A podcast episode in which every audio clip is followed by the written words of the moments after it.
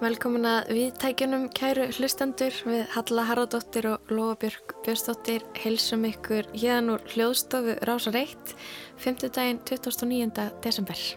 Já, eins og þið heyrið kæru hlustendur þá er engin vennilegur þáttur í dag við sjá og lestin er í samflóti og á hátilegum upprifinarnótum. Það verður áramótastemning í loftinu. Í þessum fyrirluta fáum við tvo af gaggrinendum þáttana til að horfa yfir árið sem er að líða Velta fyrir sér einhverjum hápunktum og reyna kannski að þreyfa á tíðaranda ársins. Einnig munum við rifja upp einhverja hápunkta úr þáttum ársins. Í síðara hluta þessa samsetta þáttar fáum við svo til okkar goða gesti til að fara yfir liðið menningarár. Vítísi Jakobsdóttur, Ardísi Þórensdóttur, Unstein Manuel Stefánsson og Greip Gíslason. En við byrjum á því að heyra hvað Nínu Hjalmarsdóttur, leikúsrýni Viðsjár, fannstum liðið leikar. Þegar hort er yfir liðið ár má sjá að sprenging varð í uppfærslu verka eftir heimsfaraldrun. Raunar var magnið svo mikið að við tvær sviðslistarínar viðsjár áttum fullt í fangi með að halda í við frumsýningar. Fyrst borgarleikusið. Að mati undirritaðarar standa þar tvö verk upp úr. Annars vegar ball í uppfærslu íslenska dansflokksins sem bæði afmáði og afhjúpaði hýrarkíu í dansmenningunni sem og smitaði áhörundur af stjórnlausri gleði. Hins vegar samstarfsýningin Tu Jest Sadroko, verk á pólsku fyrir pólska áhörundur sem afmiðjaði íslenska áhörundur og spurði spurninga sem sjaldan heyrast á sviðum landsins. Af barnaverkum stóð upp úr færeisk íslenska síningin Þoka sem leik fallega með minni úr þjóðsagna arfi þjóðana. Í þjóðleikúsi allra landsmanna var síningin sjö ævintýri um skömm eftir Tyrfing Tyrfingsson eftirminnilegust. Magnað sjónarspil og beitt satýra sem stingur á þjóðarsálina. Annars voru samstarfsýningar sjálfstæðra leikhópa, hýstar í þjóðleikúsinu, spennandi í efnistökum. Verk líkt og góðan dægin faggi, eiga og nú síðast gestasýning Pussy Riot Hopesins. Í Tjarnarbíó báru tvö verk af. Blóðuga kanínan, unnin úr verki Elisabetar Jökulsdóttur, surrealísk síning ólík öllu öðru á sviðum leikúsana og síningin Hið ósagða eftir Sigurð Ámundason þar sem frumlegt form mætir safaríkum og illa innrættum personum. Í fararbrotti rótækra sviðslista voru hátíðirnar Reykjavík Dansfestival, Lokal og Listaháttíð í Reykjavík sem bæði gáfu insýn í alþjóðlegt samhengi sviðslista og voru vettvangur tilrauna og þróunar í greininni. Leikfélag Akureyrar skartaði spennandi leikári en því miður hafði ég ekki tök á því að sækja þær síningar en úr því verður bætt í byrju næsta árs þegar Chicago fer á fjallirnar. Nær öll verkin sem undirritari finnst standa upp úr árið 2022 spretta úr ranni sjálfstæðu sviðslistasinnunar. Þar virðist fólk óhrætt við að gera tilraunir með efnistök og form miðilsins og ávarpa jaðarsetta hópa samfélagsins. Sem leiðir mig að fylnum í stofunni. Söngleikurinn sem á himni sem undirrituð ringdi síðastliðið haust. Punkturinn úr þeirri ríni sem vakti mikla aðtegli var þegar ég og reyndar margir aðrir gaggrinendur, meðal annars leikúsrínir frettablaðsins, gerðum grein fyrir úreltum og meiðandi staðalýmyndum í verkinu. Og þá sérstaklega einnar fatlaðrar auka personu leikinni af ófölluðum leikara. Auðljóst er að þessi bóla hefur verið að býða eftir því að springa en viðbröðin voru vægarsagt sterkari en mér hefði órað fyrir. Umræðan snýrist þó lítið um staðalýmyndina en það þarf bara að stutta netleitum típiskar staðalýmyndir fatlaðs fólks til að leggja saman tvo og tvo. Nei, því miður fór umræðan fljótt ofan í þá skotgröf að snúast um hvað fólk með forrættundi má og hvað það má ekki. Sem hlýtur að vera leiðilegasta spurning allra tíma þar sem svarið er aldrei já þetta má eða nei þetta má ekki. Fólk úr samfélagi fatlaðra brást skjótt við umræðinni og tók að sér að fræða okkur sem ófölluð eru um veruleika sinn. Þeirra svar var að á meðan þau hafa ekki aðgang að listasennunni þá er lámarks krafan svo að menningarstofnanir segi ekki sögur þeirra án þeirra. Mitt í henni massífu samfélagsumræðu sem skapaðist ákvað þjóðleikúsið að blása til málþings um samfélagsleg áhrif byrtingamynda í listum. Á málþinginu mátti hlýða á mögnuð framsögu erindi og reynslusögur fatlaðs fólks. Þar afhjúpaðis hversu lítið ef eitt hvað stopnanir eins og þjóðleikúsið og listaháskólinn hafa gert til að tryggja sjálfsögð mannrettindi fatlaðs fólks til að taka þátt í menningarlífi til japs við aðra.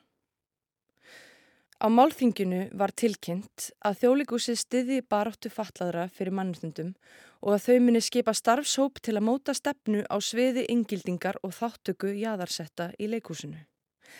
Ekkert hefur meira frest af þeim starfsópi en gera má ráð fyrir að svo vinna gangi vel. Þegar ég horfi yfir árið skinnja ég að við lifum á spennandi umbróta tímum, jafnvel kabla skilum. Ef til vill má reykja áhrifin til heimsfaraldursins að eftir hafa séð hversu auðvelt er að umbylta kerfinu á einni nóttu, þá sé þólimæði fólks eftir réttlátara samfélagi á þrótum.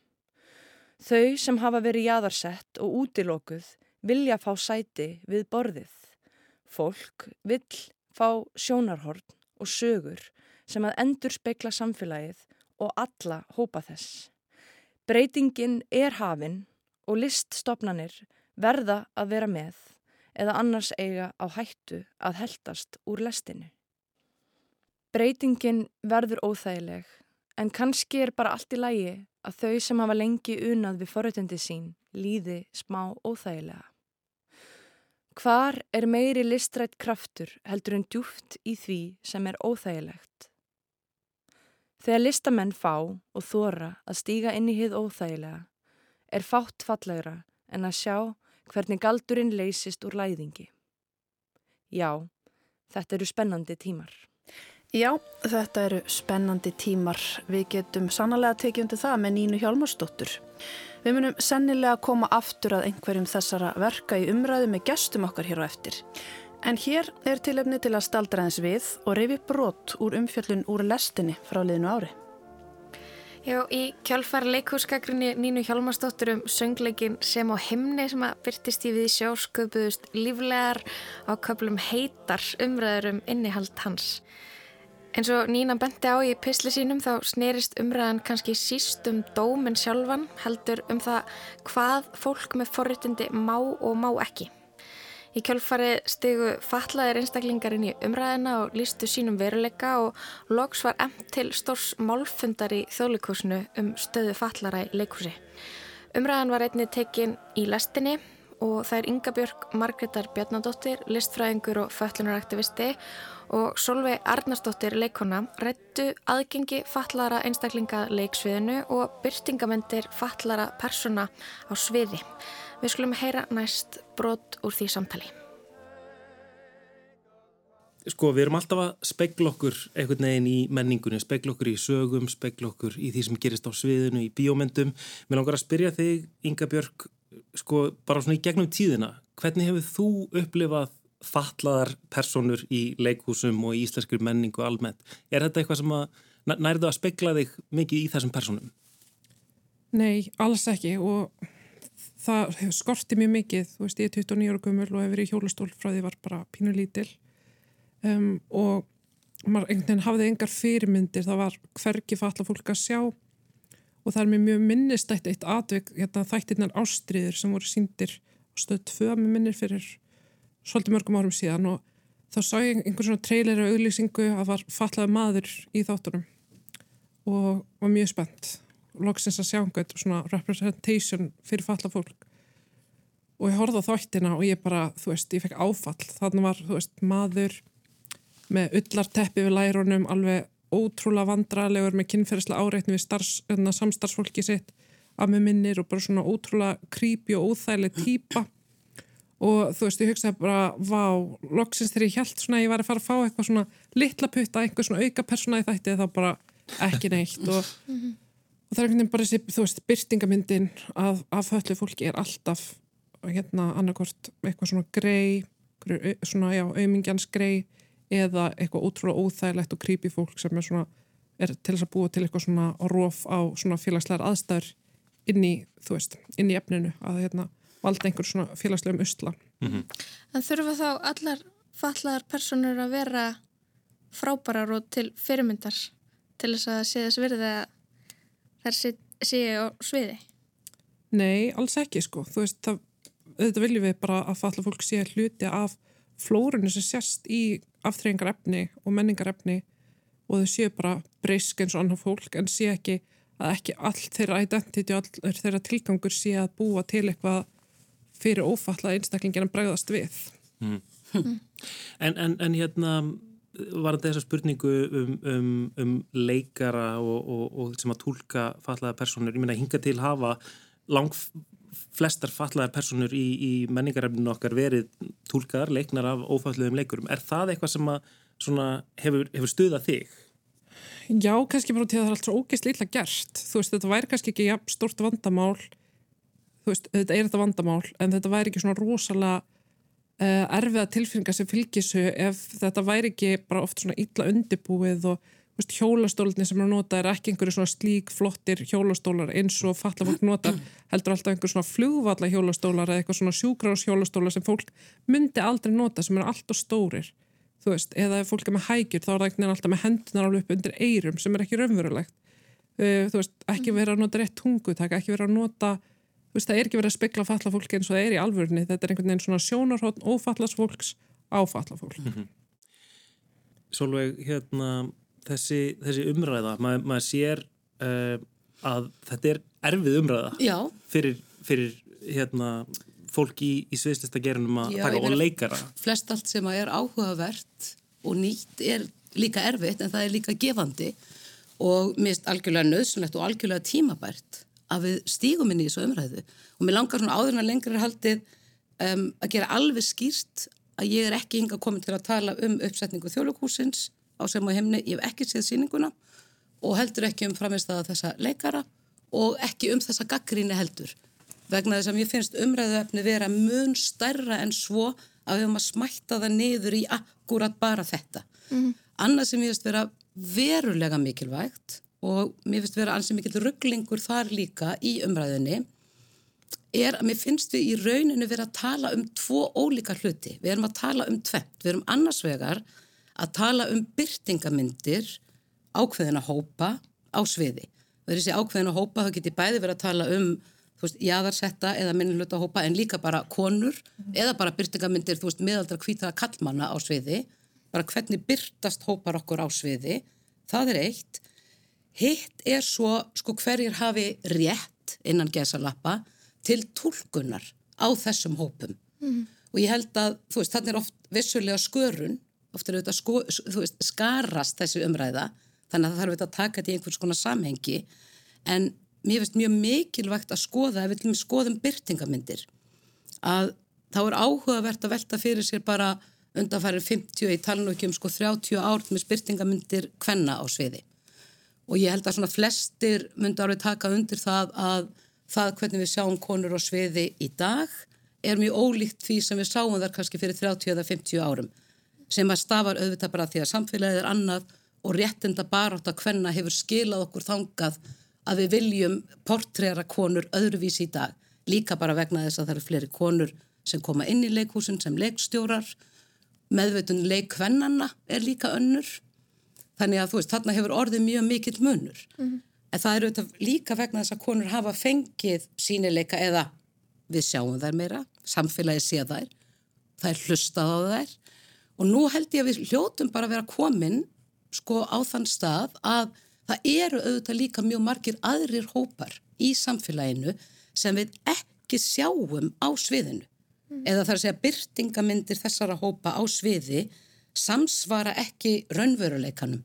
Samsvara ekki og það eru hópar sem eru með þetta krefjast þess að á þá sé hlustað og að við sjáum þá, ekki bara sínileika síns, heldur að við líka opnum augun og sjáum hvort sem það eru fatlaðir eða útlendingar, hinsegin fólk, skiljið, það eru bara, þetta gildur um mjög marga. Mm. og nú verðum við í leikvúsinu auðvitað bara aðeins að taka þetta inn og velta fyrir okkur, þú veist, ég meina það er ekkert langt síðan að ég bara sá í íslensku leikhúsi, þú veist, verið að gera grín að útlendingum að þeir tala ekki nógu góða íslensku og eru með svo mikinn hreim, þannig við erum að gera grín að þeim og hlæja að þeim að þeir einhvern veginn tala ekki íslensku eins og bara þeir getið rækið báðarættir í húnafæsíslunar mm -hmm. og meðan eitt sjötti landsmanna eru útlendingar þú veist, þetta er auðvitað bara þú veist, við verðum líka bara að taka þetta inn mm -hmm. Má ég spyrja út í eitt svolveg mm -hmm. þegar þarna ynga ára að segja að það sem tröflar hana líka er hversu illa þetta er gert mhm. þegar leikarar er að ófallaði leikarar að leika fallaði einstaklinga Já og Edda Björgvistóttir talar um inn á, á menningarátökunum mm -hmm. að það sé ekki uh, verið að byrja virðingu fyrir fæi leikarans mm -hmm. leikarar fara að læra í mörg ár já. og púsa einhverja listina sína, skilur er það kent í leiklistaskólum að leika fallafólk? Nei, það er ekki sérkurs sem heitir, þú veist, leikum fallaða eða leikum útlendinga eða leikum það sem að hins var auðvitað og það er alveg rétt, þetta er fag og við mentum okkur í þessu fægi og það, starf okkar gengur út á að setja okkur í spór annara og reyna að endur spekla sálarlíf og tilfinningar, hugmyndir og skoðanir fólk sem geta verið gjör ólíkar okkar. Þú veist, í mm. þessu fælst okkar mentun og svo bara okkar þeirna uh, vinna þú veist, og reynsla. En um, það lítur að koma eitthvað tímanu upp að já, í náminu að þú já, bræðir Já, en hins vegar er það að sjálfsögðu og það er bara mjög oft sem að hérna, leikar eða leikona stendur frammi fyrir því fá sko rullu sem er mjög ólík eða hefur eitthvað sem er mjög langt frá þér þá er það alveg svona sjálfsögð krafa að viðkomandi sko reyna að kynna sér þú veist, segjum til þess að það væri fallaður einstaklingur, kynna sér bara líf og aðstæður fatlaðra eins vel og mögulega er hægt. Mér finnst eins og að líka allt í lega að segja eigum við að aðtuga hvort það er einhver fatlaðin einstaklingur sem getur gert mm. þetta. Eða tjekka á því. Mm -hmm. Er það gert? Ég, ég, nei, ég held ekki. Ég veit það ekki. Ég, veist, Mér finnst þetta líka bara svolítið um að skjóta inn í svona virðingaleysi fyrir þöllu fólki sem bara, þú veist, personum að gera alltaf einhvern veginn ráð fyrir því að ófalla fólk sé betra í að leika heldur en ófall ef heldur en falla fólk en svo komum við að, að segjum til þess að standa á stóru sviði það krefst já. líka bara vissar rattbyttingar sem við erum mhm. hluta mentuninni og þú veist en falla fólk fær ekki tækifæri til þess að streyta sko, ég held að við þurfum líka að velta fyrir okkur sko, þú veist, með, með fallaða eða líka útlandinga mm -hmm. aðgengi að til dæmis mentun Einmitt. er fyrir þessa hópa í dag held ég sko valla til staðar. Kanski er það eitthvað að breytast og vonandi en það væri til dæmis strax bara mjög stort skref. Mm -hmm. ef, að, ef að það væri möguleiki fyrir fólk sem til er ekki alveg hérna sko hennu heteronormatífa samfélagi mm -hmm. að sækja sér mentun mm -hmm. til þess svo að sko geta veist, verið á stóra sviðinu. Og þetta er kannski sko þriðji þátturinn að því að þú greindir umræðina í tvent, annars er byrtingamindirnar og svo hins vegar hver má leika hvern, en þriðji hlutin er náttúrulega hérna, hverjir hafa aðgang að því að leika.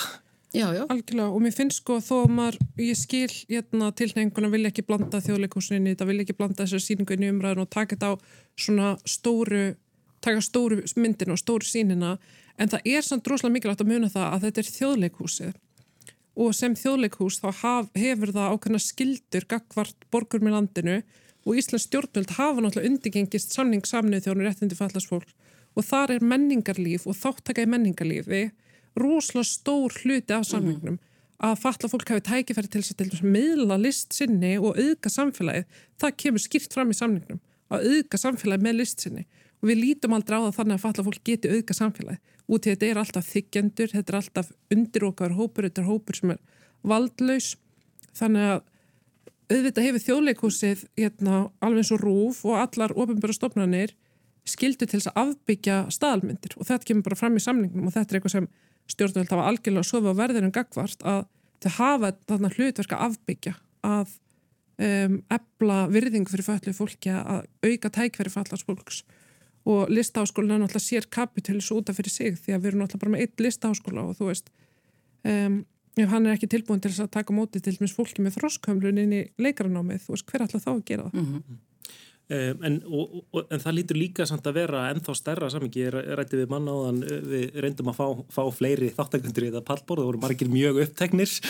Hérna, e, og eitt ein er að tala um sko að, þetta snýrist kannski ekki bara um, um menturinn á þessu efstastíi heldur þyrti að vera á öllum, öllum stegum málsins bara þegar, þegar börn eru að, að, hérna, að taka sín fyrstu skref í alls konar leiklistar, námskeiðum og, og hinn og þessu, að það verði að vera aðgengi fyrir alla Já, já, og ég minna það er bara svolítið tilneying að setja fatt að fólk bara í bottsjá og þú veist hvernig á það þá enda sviði þjóðleikúsins ef við erum bara með þau í sérdildum og þú mótt hérna að spila bottsjá og þú mótt hérna að fara í frístund veist, leiðin upp á svið þjóðleikúsins er ekki til staðar mm -hmm.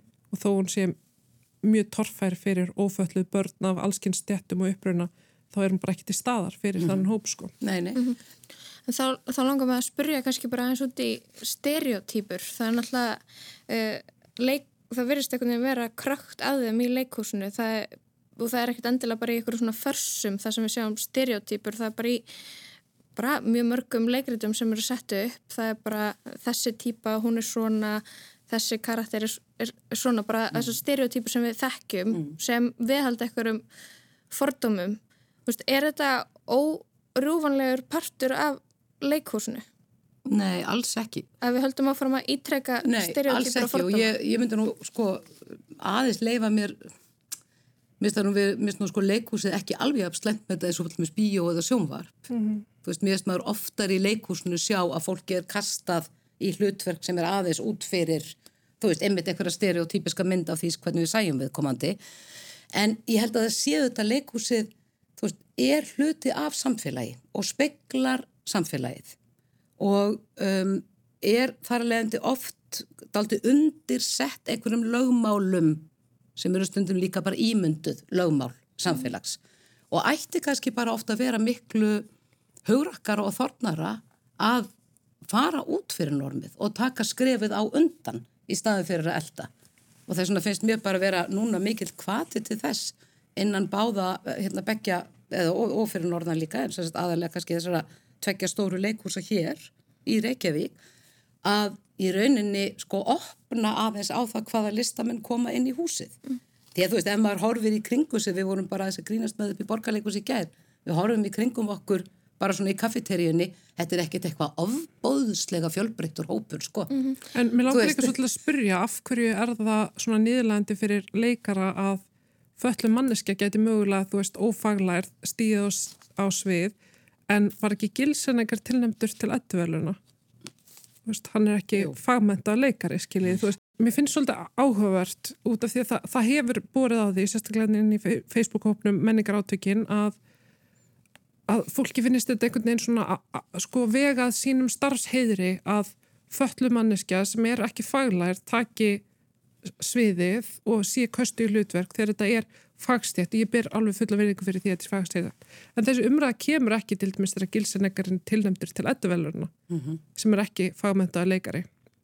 Skilji, þannig að þú veist þetta snýst líka einhvern veginn um það.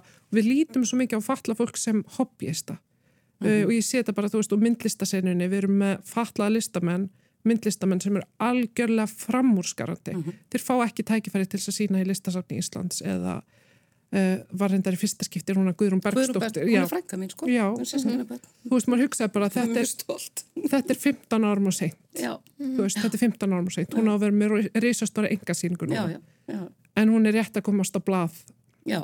og maður bara einhvern veginn svona og ég sé þetta svo mikið, Guðjón Gísli sem býr til að gegju útsumsverk veist, þetta er bara, þetta er ólíkt öllu sem ég hef séð á þur hann á ekki séns því hann er hérna, með þróskömmlun og bara þú veist, hann mun enginn taka hann gildan út af því hann er ekki, kemst ekki inn í listháskólan, af hverju kemst hann ekki inn í listháskólan hann er ekki með stúdenspróf, af hverju hann ekki með stúdenspróf því að fólk með þróskamlunum setja á starfspröytir, þannig að svona eru við bara alltaf að byggja mhm. múra, ég meina hverju með samankort að listamæði sem er stúdenspróf eða ekki, þetta er bara algjörlega galið, við erum alltaf einhvern veginn að setja fatla fólk í hennan ramma, það get ekki verið alvöru, það er alltaf hobbyistar, skiljið hvað ég meina. Já. Já, þarna heyrðum við brotur viðtali við þær Ingu Björg, Margreðar Bjarnadóttur og Solveigu Arnarsdóttur. Og úr einni af heitustu umræðum menningar ásins sem er að líða, förum við yfir í einni af stæstu menningar viðburðum ásins. Og þetta er að segja að dvöl meðlima feminísku pöngsveitarinnar Púsiræjót hér á landi hafi vakið bæði aðtikli og gefið vel af sér. Hópurinn með Marju Aljókína í farabróti setti á svið síningu í þjóðlikúsinu og setti saman í samstarfi við Kling og Bang fyrstu yfirlitsýninguna á pólitískum gjörningum sveitarinnar. Við sjá rifjað upp sögu sveitarinnar og rætti síninguna við Marju Aljókína úr Pussy Riot eða Mössu.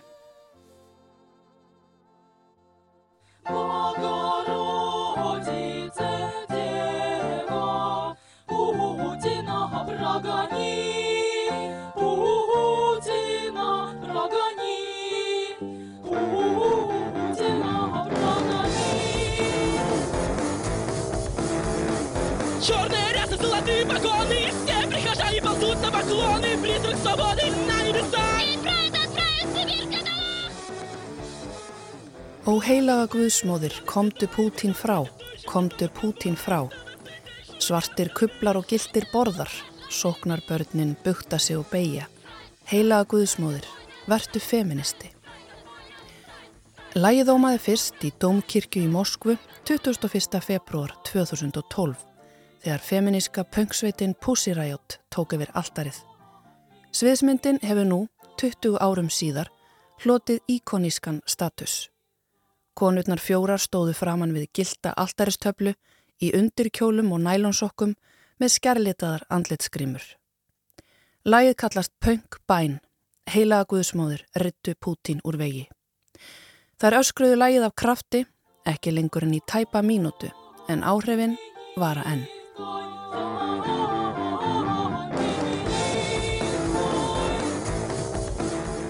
Gjörningurinn vakt ekki aðeins aðtekli í Rúslandi Pútins heldur um alla heimsbyðina og þremur ungum konum úr hljómsveitinni var hent í fangelsi.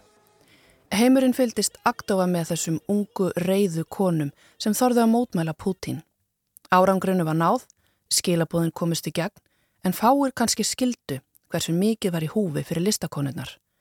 Þar sátu í fangelsi í tvö ár, í fanganílendu í Úralfjöllum dæmdar fyrir skemdaverk. Þar fóru þar í hungurverkfall til að mótmæla aðbúnaði fanga og framkomu ofbeldisfullra fangavarða og heimurinn skrifaði undir ákall Amnesty International um að leysa samviskufangana úr haldi.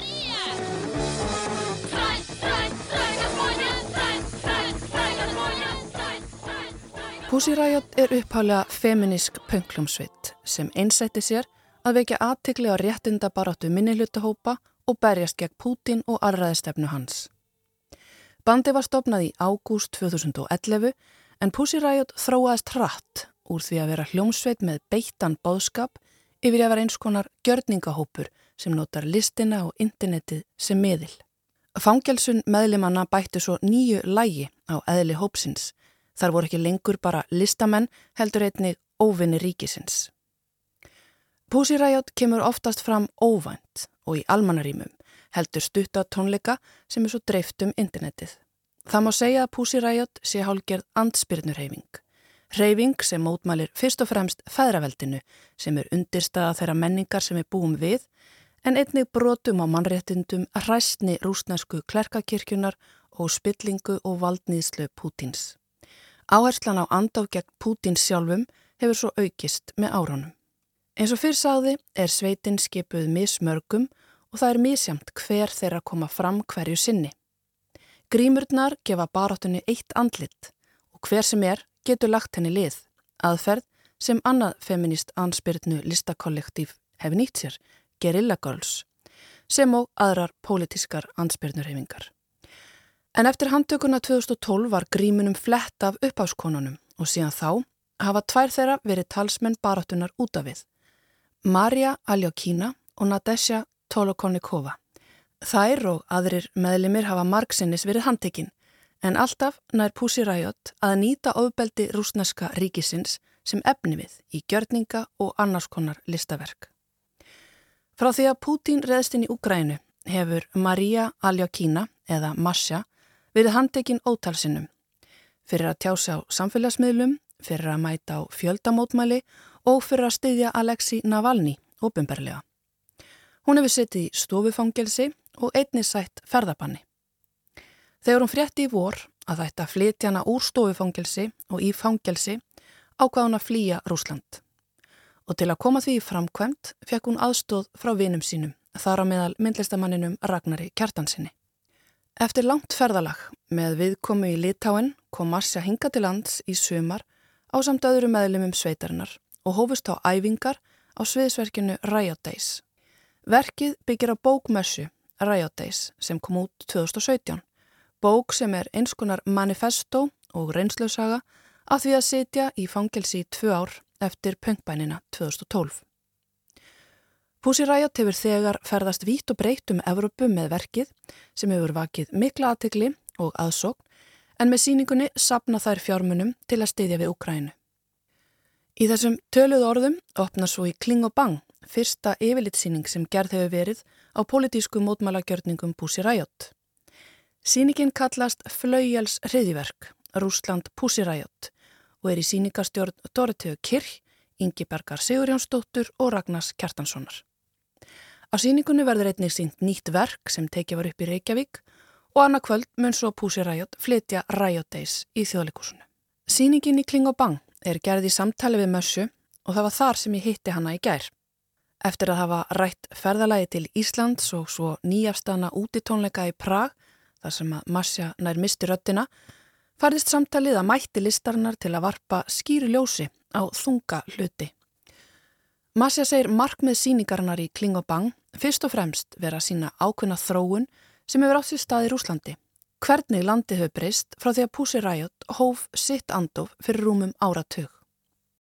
So this is our actions, street actions and also important events which we had during this all this period and I think one of the main goals is to show how Russia was changing and how we came to this terrible point when it's became clear to the rest of the world uh, that it's a terrorist state and Putin is a terrorist, which we were trying to Við viljum reyna að varpa ljósa það hvernig við komumst á uh, þennan stað. Staðinn þar sem að öllum var skindilega ljóst að Rúsland er alræðisríki og að Putin er hriðjörgamaður, segir Masja. En þetta er nokkuð sem þær í Púsuræjot hafa reynda að miðla með gjörningum sínum í nær áratug eða frá því að þær voru listar úr fangelsi árið 2013.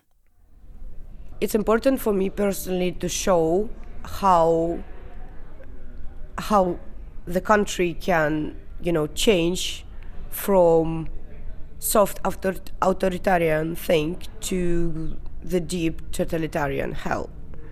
Uh, because it's quite... Masja segir mikilvægt að varpa ljósa á það hvernig eitt land geti þróast frá því að vera einræðisríki yfir að vera alræðisríki frá helviti. Svona lagað gerist ekki einni hendingu heldur yfir langan tíma.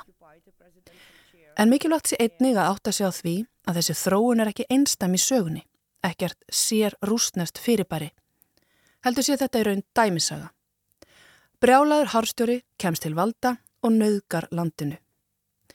Pussy Riot vilji varpa ljósi á hvernig slíkt geta átt sér stað og um leið hvernig þær hafi reynda benda á þann veruleika. Mikið vatn hefur runnið til sjávar frá því að Riot hófu sitt andof. Allræðislög hafa verið sett, eitrað hefur verið fyrir andstæðingum, landsvæði hernuminn og svo innrásinn í Ukrænu. Ég spyr Mössu hvernig tilfinning það sé að hafa fylst með þróuninni og vara við henni í áratug fyrir döfum eirum vestrætna stjórnmálamanna. Uh, we just came out from our two years term uh, in 2014 and we went to Olympic Sochi to with the song Putin will teach you how to love the motherland. We received first physical violence I think on our bodies uh, I mean in our lives. Um, and just after that I mean a week after Crimea was annexed. And I think that was Massa lýsi því hvernig meðlemið Pussy Riot voru í fyrsta sinn á æfisinni beittar ofbeldi af lauruglunni en það var eftir mótmæli þeirra á vetrarolimpíuleikonum í Sochi árið 2014. Stuttu síðar var krímskæin innlimaður næstum án gaggrinni og á sama tíma voru ríki á borð við Frakland, Þískaland og Ítalju að selja rúsum vopn. Hún segir dæmin um hræstni vestrætna stjórnvalda vera mýmörg. Til að mynda hafði það komið ljós eftir laurugluransókn í Þískalandi nú í sömar að þýst fyrirtæki hafið selt eituröfnið Novichok til Rúslands. Efnið sem notað var meðal annars til að eitra fyrir Alexei Navalny og einu meðlimi Pussy Riot. I mean, it's still not in the past. It's still a lot of things to do.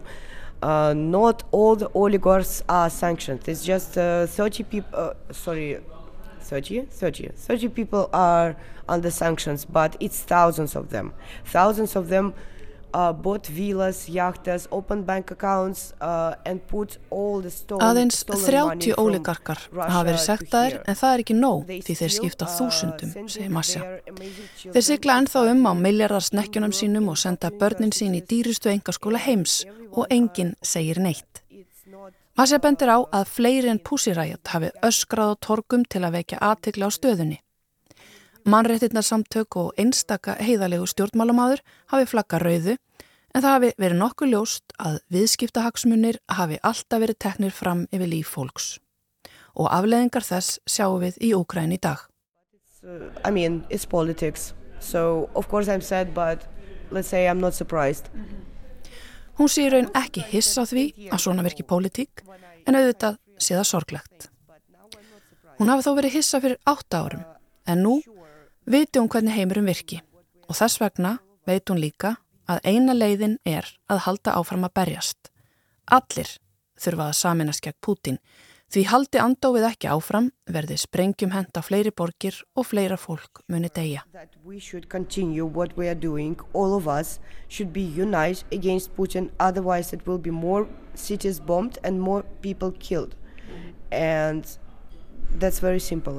Eftir að stríði braust út hefur mikið af orgu púsiræjot farið að sapna pening til að senda til Úgrænu.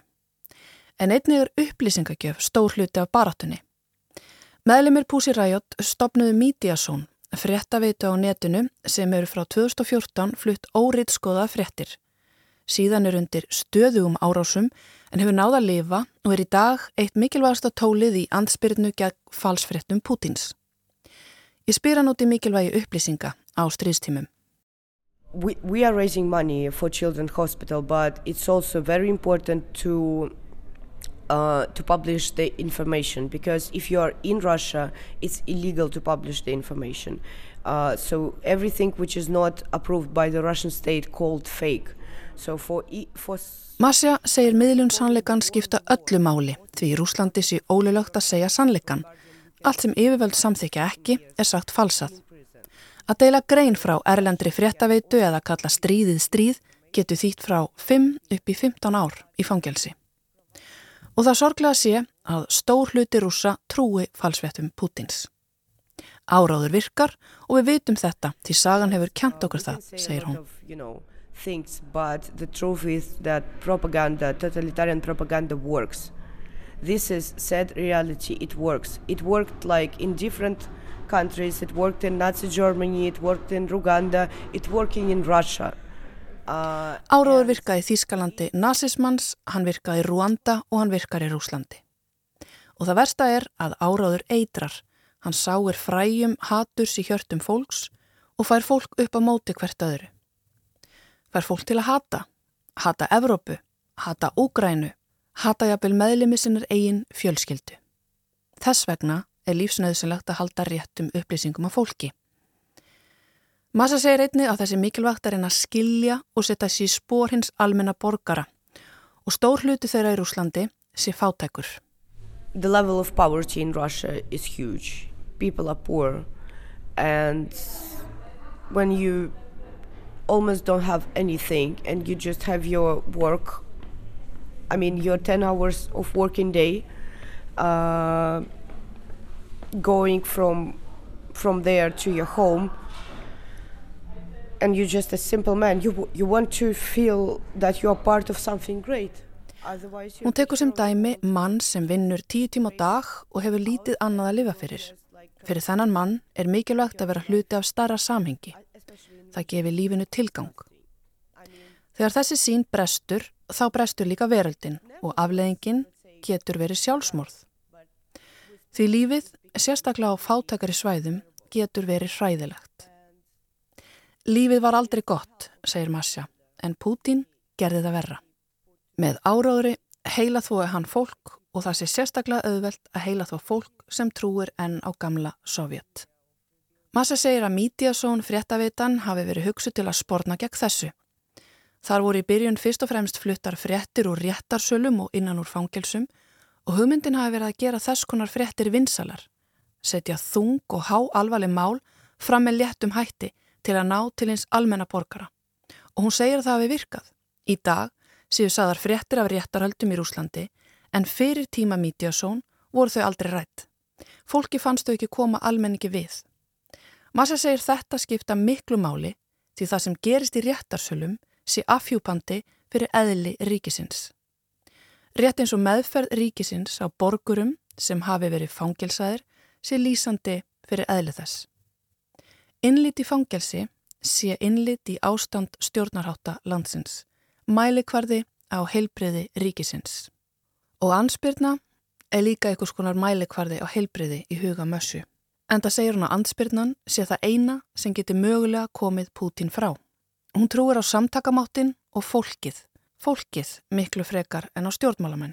Ég spyr hana þó á lokum hvað stjórnmálamenn geti gert til að stöðva Pútin. Masja er ekki lengi að svara. Best way to stop Putin. Okay, stop buying Russian resources.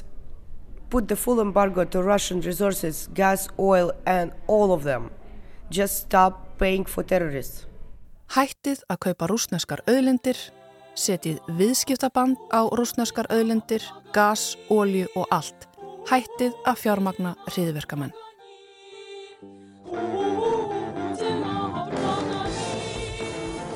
Feminisk punkbæn hér á eftir samtali við Mössu Aljó Kína úr Pussirægut.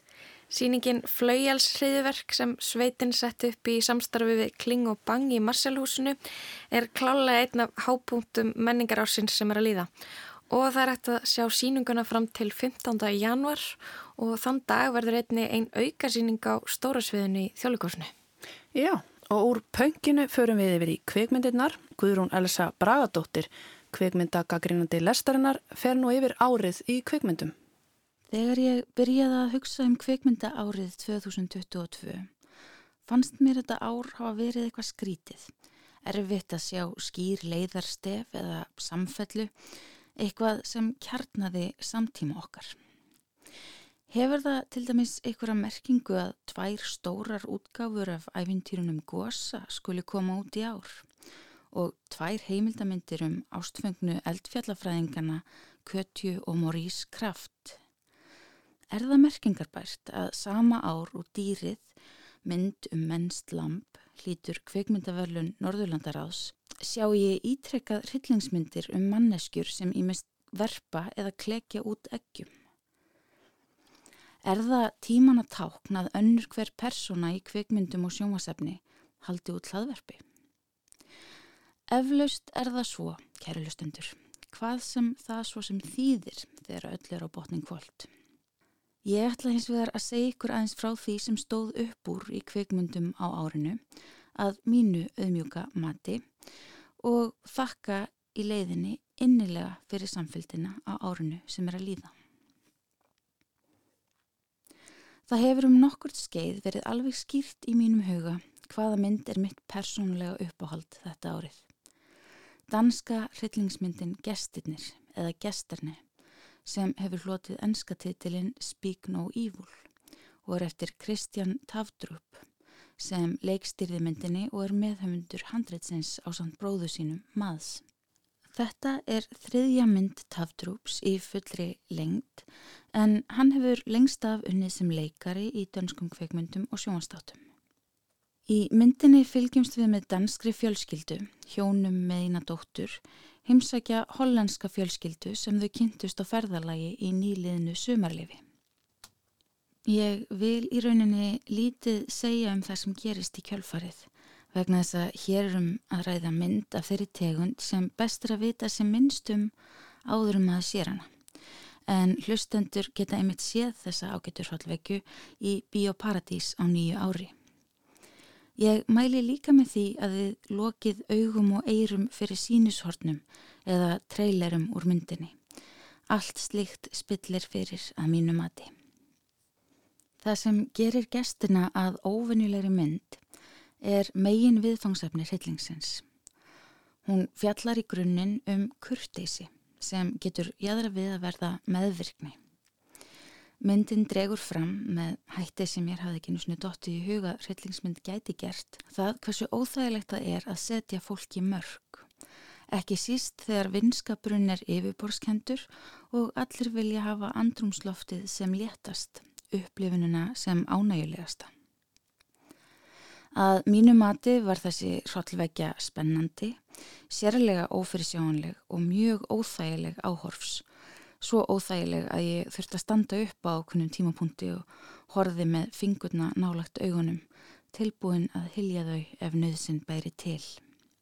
Árið 2022 gaf nokkrar myndir sem frábært var að horfa á í kveikmyndahúsi en þar ber helst að nefna fimm Hollywoodmyndir sem uppfylla öll skilirði fyrir ánægulega pop og kók bíóupplifun.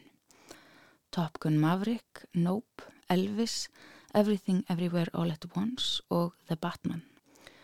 Aðsóknarmesta mynd ársins er auðvitað framhaldið af Top Gun frá nýjunda áratögnum en það heitir Top Gun Maverick og er eftir Joseph Kosinski og skartar Tom Cruise í aðalutverki. Helsta markmið Cruise í lífinu verðist vera það að bjarga bíómenningu heimsins, að hrifsa fólk úr klóm streymisveitana, út úr húsi og inn í bíósalina. Og hann er tilbúin að gera hvað sem þarf til að svo verði. Þar á meðal að læra að fljúa þóttu. Margir, ég þar með talin, eru sammála um að það besta við Elvis eftir Bas Lúrmann sé líka framistaða aðalegarans Austin Butler sem flígu kannski ekki þóttu en nekkir mjöðmunum með tilþrifum sem hafa líklega ekki sérst í 45 ár eða síðan kongurinn yfirgaf þetta tilvistarplan. Butler er talin líklegur til að reppa Óskarinn fyrir framistöðu sína sem Elvis og það sama má segja um aðaleikonu myndar Daniels bræðrana Everything Everywhere All at Once en það er hún Michelle Yeoh sem er líkillin að því hversu vel svo mynd gengur upp. Jamie Lee Curtis kom lindar líka skemmtilega á óvart í auka hlutverki í þeirri mynd sem hún gæti einmitt líka verið tilnæmt fyrir. The Batman þótti mér sérlega góð skemmtun, ekki bara því að Batman myndirnar hafa af einhverju ástæðu alltaf höfða sérstaklega til mín, ólíkt öðrum ofurhetjumyndum, heldur líka vegna þess hversu myrkur og undarlega creepy leðubleikumadurinn er í tólkun Roberts Pattinson sem margir þekkja á hlutverki þokkaföllu vampýrunar í Twilight myndunum. Myrkur og óhugnaður enkendi að samaskapi vísindaskálskapar hrollvegjuna Nope, þriðju mynd kvikmyndahöfundarins Stjórnans Píl sem sló fyrst í gegn árið 2017 með meistraverkinu Get Out. Nope státar af stórkostleiri kvikmyndatöku og frábæri framistöðu aðaleikaranna Daniel Kaljúa og Kiki Palmer en er líka henn fullkomna mynd til að sjá með vini sem hefur þólumæði til að krifja myndina til merkjar í allavega klukkutíma eftir hún er búin. Óhugnaður ársins 2022 í öllum sínum byrtingarmyndum verðist af að heitla mig sérstaklega. Þrjár tiltölulega óheðbundnar hrollvegjur kynntu mig fyrir leikstjórum sem ég ætla að fylgja sérstaklega með hérna í frá. En það eru tvær myndir sem ég fjallaði mig lestinni í haust Piggy eða Svinga eftir hennar spænsku Carlotu Pereda og Hatching eða Klakið eftir finska leikstjóran Hönnu Bergholm. En þriðja myndin er svo Nanni eða Bartfóstra eftir hennar bandarísku Nikachu Yusu sem fekk domlöndavelunin á Sundance-háttíðin í ár. Myndin fjallar um Æsju, innflytjanda frá Senegal sem vinnur hörðum höndum sem Bartfóstra í New York svo hann geti flutt svonsinn sem býður hann í heimalandinu til sín. Óhugnaður myndarinnar er lúmskur og sálfræðilegur, samofinn stöðu Æsju sem er afrísk einstað móðir og ólulegur innflytjandi. Þessi lýsing minni mér endar á uppáhalds kveikmynda viðbyrðin minn á árinu, Sight Sound listan yfir 100 bestu myndir allra tíma sem ég fjallaði um fyrir stuttu. Þótt aðal persóna toppmyndar listans, Jean Dillmand, sé afar ólík Æsju í nanni að flestu leiti, er eins og við sjáum sömu þreytuna byggjast upp hægt en öruglega innra með þessum konum. Þær sinna sínu hlutverki með príði allan daginn allar daga en glata ykkverju á hverjum degi líka. Það er nefnilega snildin við Sján Dílmann sem gerir þetta meistralega og tekur sér þrjár klukkustundir og 20 mínútur í það. Hún dregur fram álægið og óhaminguna sem kona eins og Sján upplifir dagkveld, sínir henn að ljúka öllum sínum verkum fumlaust en velrænt þar til við sjáum teikn á lofti um að hún þóli kannski ekki við mikið lengur. Já, það er eiginlega svolítið erfitt að hætta að tala um árið eftir allt saman þegar maður er komin á stað. En af því að þið hefur vonandi smá ráðrúm til að hafa það notalegt áður en nýja árið skellur á af fullum þunga vil ég skilja ykkur eftir með þrjár hugljúvar en stundum sorglegar myndir frá árinu til að njóta með fjölskyldunni, svona þegar þau eru búin að horfa á Jean Dillman. Vísindaskálskapamyndin After Young eftir hins söður kóreska Kokonata fjallar um fjölskyldu og minningar með sérlega hugljúfum hætti. Mynd Jenny Slate og Dean Fleischer Camp, Marcel the Shell with Shoes on er myndum kuðung í leita fjölskyldu sinni. Ég veit hvernig það hljómar, þið verðið bara að treysta mér. Það er ekkert krútlegra til að þessari jörð. Og að lokum vil ég beina ykkur að gósa eftir hinn mexikoska Guillermo del Toro sem finna má á streymisvitunni Netflix. Þótt hún sé stundum örlítið og hugnaleg er þetta indislega mynd um fjölskyldu, ást, hið mannlega ástand og talandi, stundum syngjandi, engi sprettu. Guðrún Elsa Bræðadóttir, kveikmyndagagrínandi, fór yfir árið í kveikmyndum og myndin sem stóð upp úr á árunni að hennamatti var danska hrollveikjan Gestinnir eftir Kristján Tafdrúp. Mynd sem að fjallar um það hversu óþægilegt það er að setja mörg. Já, og hér látum við staðarnumið í byli en við verðum hér áttur á sama stað eftir fréttir með góða gesti með okkur í stúdjó.